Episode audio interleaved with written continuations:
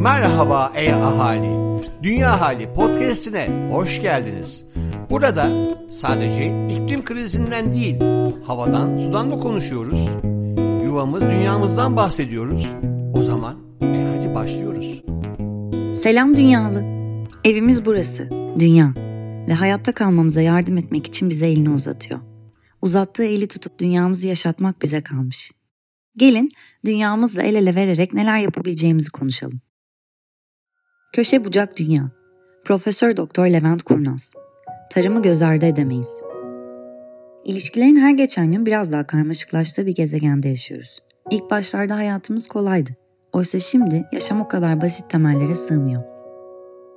Birleşmiş Milletler Genel Kurulu 2015 senesinde sürdürülebilir kalkınma amaçlarını ortaya koydu. Bu amaçlar insanlığın 2015-2030 yılları arasında sürdürülebilir bir gelecek için atması gereken adımları ayrıntısıyla anlatıyordu. O noktada bugün de çoğumuzun hemen gördüğü problem bu amaçlara ulaşmak için atılması gereken adımların pek çok noktada birbirleriyle çeliştiği oldu. Tüm amaçları birlikte ilerletmek içinse çok derin bir planlama gerekiyor. Çünkü içinde yaşadığımız gezegen ve bu gezegen içindeki tüm ilişkiler gittikçe daha bağlantılı hale geliyor. İklim krizi bugün insanlığın ve yeryüzünün karşısındaki sorunların neredeyse en başında geliyor. Bu sorunu çözebilmek için sadece kömür, petrol ve doğalgaz kullanımına son vermek yetmiyor. Tüm sürdürülebilirlik amaçlarını masaya koyup hepsine uyacak bir çözüm üretebilmemiz mümkün. Ama insanlar yaşam tarzlarını değiştirmek istemediklerinde üretilen çözüm doğru ve güzel olmaktansa yamalı bir bohçayı andırıyor. Bu yamalı bohçayla da bir sorunu düzeltmeye çalışırken başımıza kolayca başka bir sorun açabiliyoruz. İklim krizini durdurmak için hemen petrol kullanan araçlardan vazgeçmemiz gerekiyor. Çözüm olarak biyoyakıt denen bir çözüm ortaya atılıyor. Yani bir bitkiden araçlarda kullanacak bir yakıt üretelim. Güzel ama yeryüzündeki tarım alanlarının önemli bir kısmını gıda üretimi için kullanıyoruz. Biyoyakıtlar atmosfere saldığımız karbondioksiti azaltmak açısından bir çözüm yolu önerse de açlık sorununu arttırması açısından da büyük bir sorunun ortaya çıkmasına neden oluyor. Alternatif teknolojileri üretmekte fazla geç kaldık. Net sıfır karbona ulaşmak için düşünülen bir diğer çözüm de ormanları arttırmak. İlk bakışta makul gözükse de peki bu orman alanlarını nereye doğru genişletmeliyiz dendiği zaman bulunan en gerçekçi çözüm tarım alanlarının orman alanına geri döndürülmesi oluyor. Kendi içinde bakıldığında doğru bir düşünce gibi gözükse de artan nüfusu besleyebilmek için artık o tarım alanlarına ihtiyaç var. Tarımdaki ürünleri değiştirmek ve daha az gübre kullanmak ise alınan ürünün azalmasına neden oluyor. Bu tür çözümleri geliştirmek ve uzun vadede kullanmak elbette akıllıca bir yöntem. Ancak bugün kullanabilmek için daha az sera gazı salımına neden olacak bitkileri seçmeye ve daha akıllıca gübre kullanmaya onlarca yıl önce başlamış ve alışmış olmamız gerekiyordu.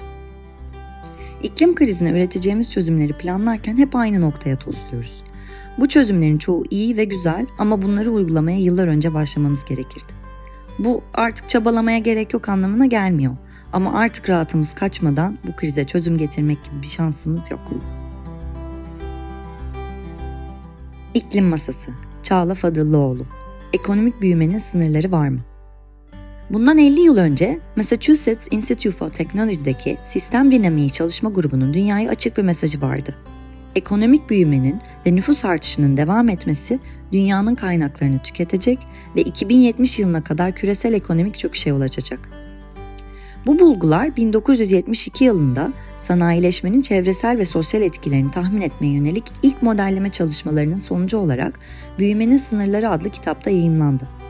Yayımlandığı dönem için bu şok edici bir tahmindi ve zaman içinde durum maalesef bu modeli doğrulayacak yönde gelişti. Ekonomik büyüme genellikle gayri safi yurt içi hasıla ile ölçülüyor. Hükümetler iki politika arasında kararsız kaldıklarında çoğunlukla gayri safi yurt içi hasılayı en hızlı yoldan artıracak yolu tercih ediyorlar.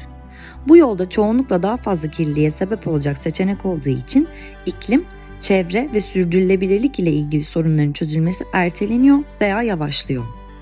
Değişimin gerçekleştirilebilmesine katkı sağlayacak adımlardan birisi gayri safi yurt içi hasıla kapsamında ölçülen kavramların gözden geçirilip yeniden düzenlenmesi büyümenin sınırlarının ilk konuşulmaya başlandığı 1972 yılından bu yana eyleme geçmenin aciliyeti belki hiç bu kadar yüksek olmamıştı. IPCC 6. değerlendirme raporunun 3. ve son bölümünün politikacılar için özetinin 4 Nisan'da kamuoyu ile paylaşılması planlanıyor. Bu bölümün konusu iklim değişikliğinin azaltımı olacak. İklim bilimi için en önemli rapor sayılan IPCC raporları 30 yıldan beri dünyayı iklim için harekete geçilmesi gerektiği konusunda uyarıyor.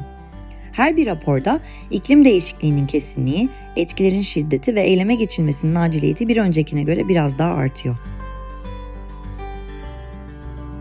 Yeşil Köşe Burcu Buse Arseven Hedef 4 Nitelikli Eğitim Eğitim 1948'de Birleşmiş Milletler Genel Kurulu'nda kabul edilen İnsan Hakları Evrensel Beyannamesi'nde ırk, cinsiyet, dil, din farkı gözetmeksizin herkesin sahip olduğu en temel insan haklarından biri olarak geçiyor.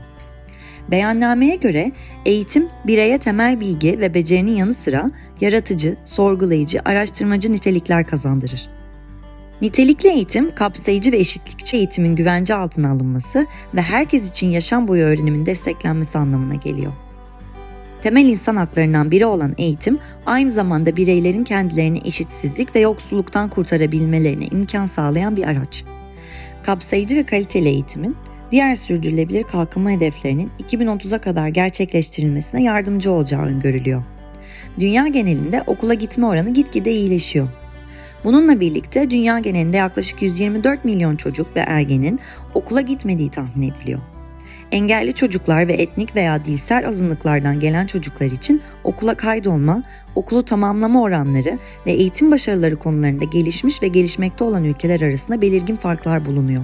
Ülkelere ve bölgelere göre farklılaşan kültürel normların toplum üzerindeki etkisi sonucunda dezavantajlı addedilen grupların durumun çok daha ciddi boyutlarda olduğunu görüyoruz.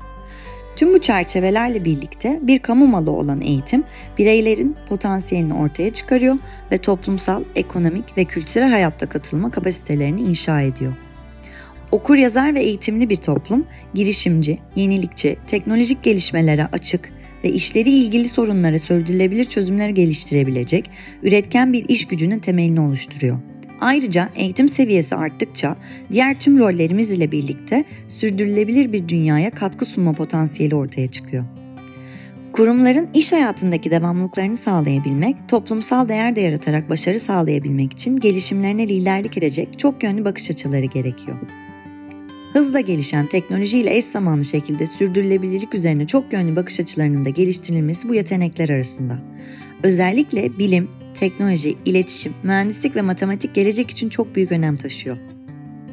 Bu çerçevede kurumların eğitim kurumlarıyla farklı şekillerde ve birçok seviyede ortaklıklar kurabilmesi, finansal destekte bulunabilmesi ve her yaştan birey için imkan yaratılmasına katkı sunması bekleniyor. SKA kapsamında 2030 yılına kadar yapılması planlanan 17 temel hedefin ilk sıralarında yer alan nitelikli eğitim için konulan genelgeyi dergimizde inceleyebilirsiniz. Yuvan Dünyalılar ne yapıyor? Kübra Güler Dağtekin Okuyoruz. Su hakkı.